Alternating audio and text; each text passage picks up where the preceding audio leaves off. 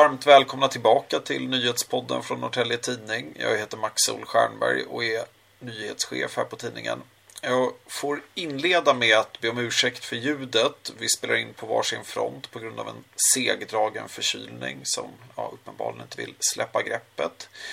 Det har däremot inte hindrat nyhetsarbetet. Vi har haft fullt ställ här på tidningen och jobbat på med flera parallella större jobb under veckan som gått. Eh, och under året som gått så har vi skrivit flera artiklar om en konflikt i Missionskyrkan i Rimbo. Vi har även poddat om det ett par gånger så den som har följt podden känner igen det här. Den som har följt oss på nyhetsplats känner definitivt igen det här. Eh, och den som vill få en liten lite grepp om bakgrunden eh, då rekommenderar jag att lyssna på poddavsnitt 38 och sen då poddavsnitt 42. Eh, jag tänker att man ska inte behöva lyssna på dem men är man intresserad och vill veta mer så finns de och det är bra att puffa för med tanke på att det är en rätt eh, komplicerad historia och den här veckan kommer vi ta ut en del ur den historien som har vuxit med tiden. Med mig har jag Linus Kjell Magnusson. Du är reporter och du har ju bevakat den här konflikten under två månader. Jag tänker, kan du ge en kort version av vad det handlar om? Ja, hur summerar man en konflikt som har pågått i sju års tid? Eh, bakgrunden är att eh, den nuvarande ledningen drivit en linje om att kunna stänga ute nya medlemmar som är homosexuella. Och när det inte gick hem hos en del andra medlemmar, men framförallt samfundet Ekumenia kyrkan, så drev man istället Eh, för att träda ur samfundet, vilket eh, församlingen för eh, ungefär en månad sedan röstade för. Och det är där vi står idag. Mm. Och när, alltså när ni arbetar med vår första publicering om just den här konflikten och den, eh, ja, de här två olika sidorna som vill åt olika håll med församlingen. Då fick ni ju ett tips om en av församlingsmedlemmarna i den här så att säga nya gruppen som vill träda ur. Alltså kan du berätta om det tipset?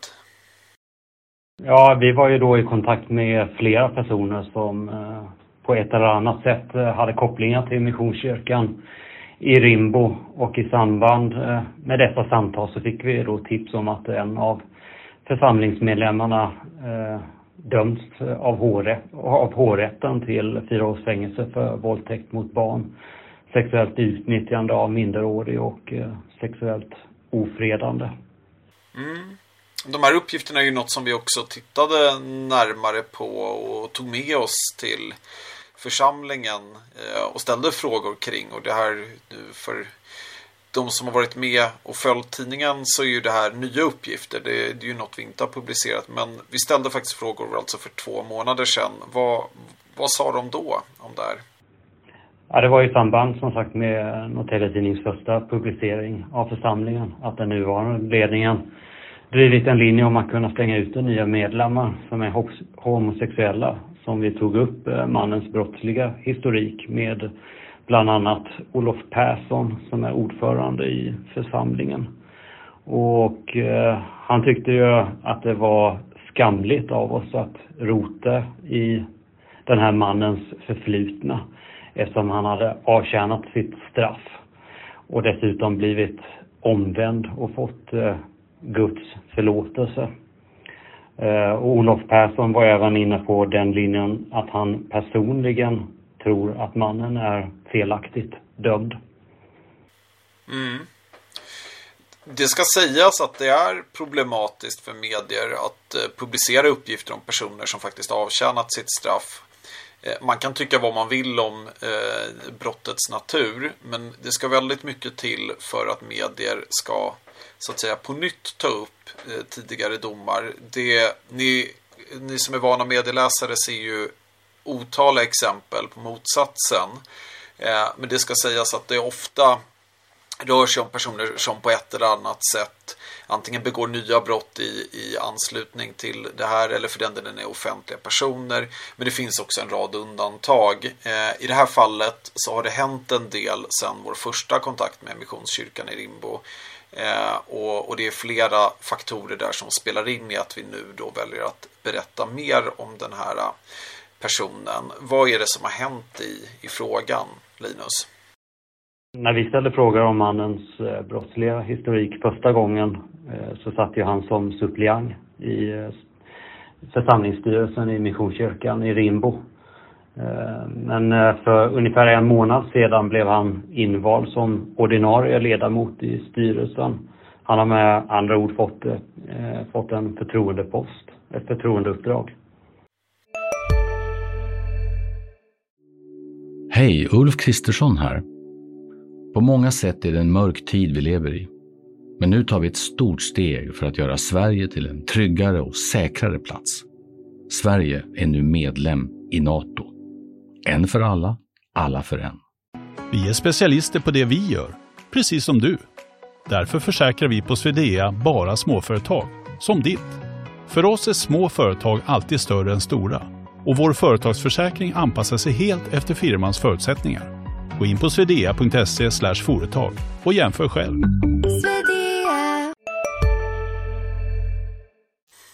Mm. Eh, och, och det med den vetskapen om historiken.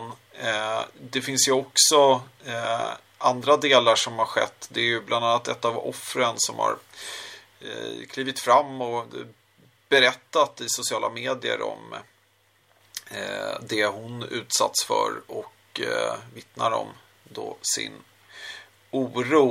Eh, och jag, du Linus har ju varit i kontakt med henne. Kan du berätta lite om den kontakten och det hon säger?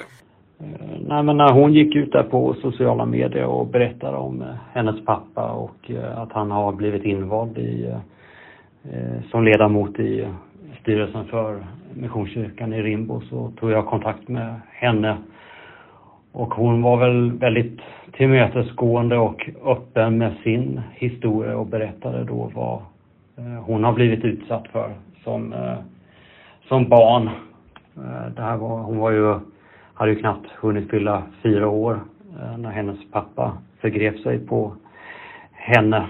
Och hon var ju, hon tyckte det var helt ofattbart att Eh, Eh, den här mannen nu har fått en förtroendepost. Hon förstår inte riktigt hur, hur den här församlingen tänker. Hon är orolig att eh, någonting ska hända. Mm. Och eh, det är ju något som inte bara vi har tittat närmare på. Vi har även Dagens Nyheter som eh, tyvärr den här gången han före med ett Eh, en publicering i det här eh, fallet. Eh, ja, de berättar ju mycket av det vi berättar här i podden. Men ja, Linus, vad, vad tänkte du när du såg att de var först? Men som journalist vill man alltid vara först med en story.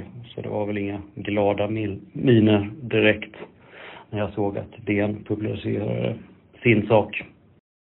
Samtidigt så är det en fråga om, det är rätt många kontakter som ska göras och de ska göras ordentligt. Eh, vi har ju varit väldigt eh, angelägna om att se till så att eh, vi faktiskt kan prata med då alla inblandade och eh, se till så att vi får en helhet eh, och är säkra på till exempel de här förhållandena som vi nu beskriver. Eh, du har ju fått göra rejäla ansträngningar den här veckan i att till exempel få till en intervju med den dömde mannen. Eh, hur gick det till? Nej, men för våra lyssnare kan man ju berätta att vissa personer är ju lätta att komma i kontakt med. Det finns till exempel telefonnummer via olika söktjänstföretag. Och då ringer man, smsar till personer. Man kanske hittar mejladress och går via den vägen. Eller så går man genom bekanta för att eh, komma i kontakt med personen. Men i det här fallet så var det ju otroligt svårt att överhuvudtaget hitta några kontaktuppgifter till eh, eh den här mannen och eh, för den delen andra anhöriga som vi skulle kunna gå via. Så eh, till slut så åkte vi hem till mannen och knackade på. Mm. Det är ju inte heller så att säga den vanliga gången. Du beskriver ju egentligen det vi brukar göra. Jag tänker det, det mötet, för han berättar ju en del om liksom hur han ser på eh, sin egen roll och respektive domen och så. Vad är det han säger? Nej, men han säger att han, är, att han har blivit oskyldigt eh, dömd.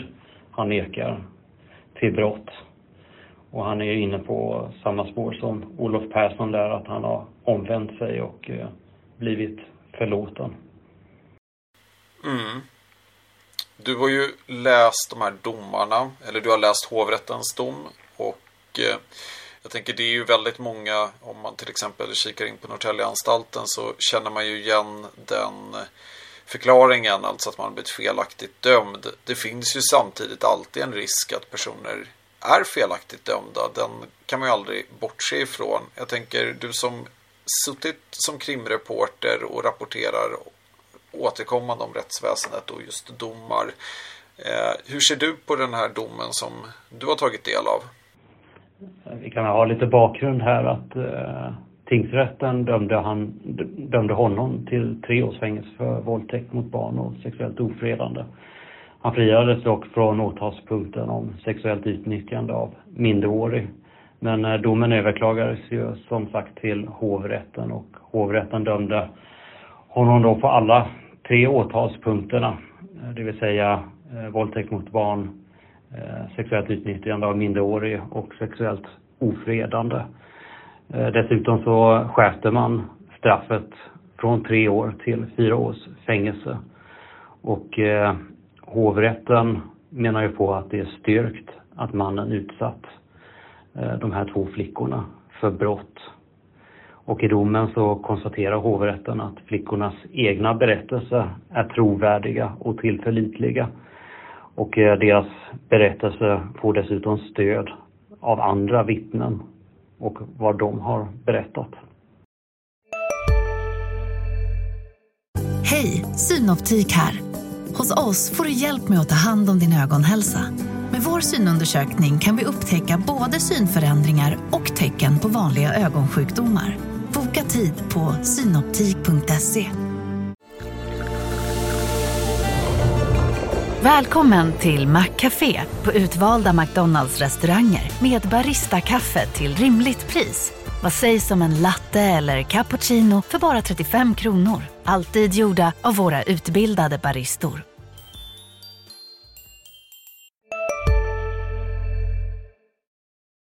Just det, så det räcker inte med att vara då eh, trovärdig och berätta eh, eh, om något man då har blivit utsatt för utan det är ju då en eh, kompletterande bevisning i de här målen. Och det är ju också som du är inne på där med rubriceringarna så är det ju faktiskt tre olika personer, det vill säga två som var barn när brotten inträffade och en som var 19 år gammal när hon blev utsatt.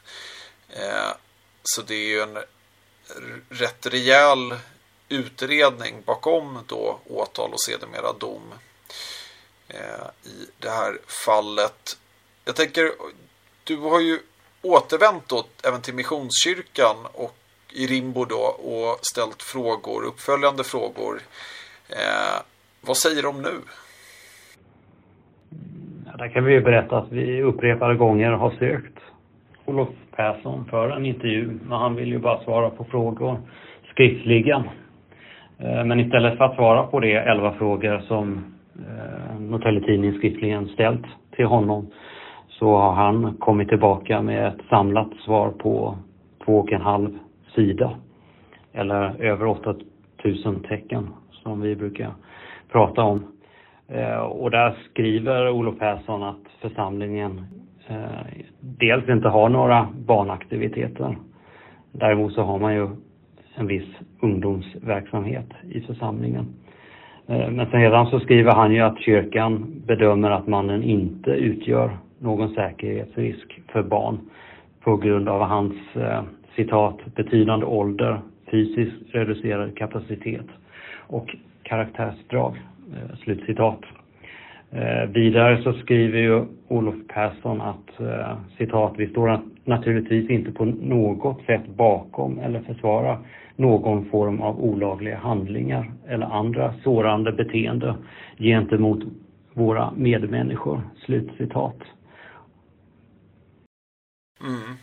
Men han talar inte direkt då till till exempel Amandas oro utan han, ja du hade ju flera frågor till, till honom men, eh, men det är då en, eh, en längre utläggning om deras syn på helheten i den uppkomna situationen. Eh, men framtiden då, får du något svar vad gäller om man har för avsikt att tänka om i den här frågan från församlingshåll? Det är någonting vi får titta närmare på i, i nästa vecka. Hur man går vidare med det här. Om man, om man kommer att låta honom sitta kvar i styrelsen eller inte. Eller om han själv tar ansvaret och kliver åt sidan.